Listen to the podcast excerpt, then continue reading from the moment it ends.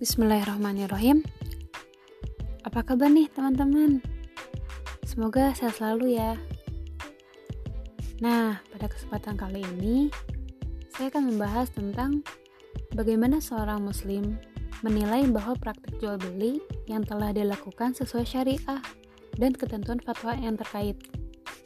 Kalau merujuk jawaban dari Dr. Oni Syaroni dalam konsultasi syariah, beliau memaparkan bahwa ada tiga parameter yang digunakan untuk menentukan satu kebijakan atau produk ekonomi syariah itu sesuai. Yang pertama, terbebas dari transaksi yang dilarang. Apa aja sih transaksi yang dilarang itu? Riba, goror, atau ketidakjelasan, ikhtikar, atau rekayasa dalam supply, rekayasa dalam demand, two in one, judi, suap, jual beli piutang, dan akad tidak halal lainnya. Praktik bisnis terlarang tersebut dapat merugikan dan menzolimi setiap pihak yang terlibat dalam transaksi tersebut. Misalnya kayak riba. Dalam surat Al-Baqarah ayat 275 dalam firman Allah yang berbunyi padahal Allah telah menghalalkan jual beli dan mengharamkan riba jadi riba di sini tuh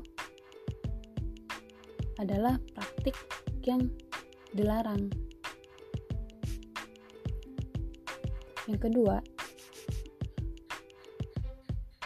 produk tersebut sesuai dengan akad atau transaksi syariah.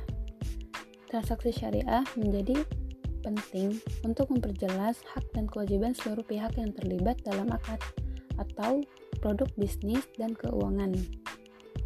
Ketentuan akad atau transaksi ini sudah diatur dalam Fatwa Dewan Syariah Nasional MUI dan regulasi terkait.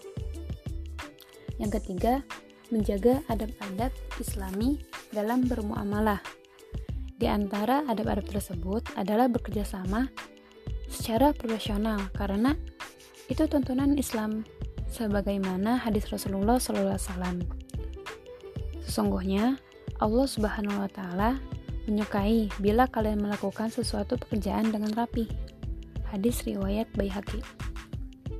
Nah, di antara adab-adab tersebut adalah berlaku adil, seperti halnya memenuhi hak karyawan dan mitra kerja.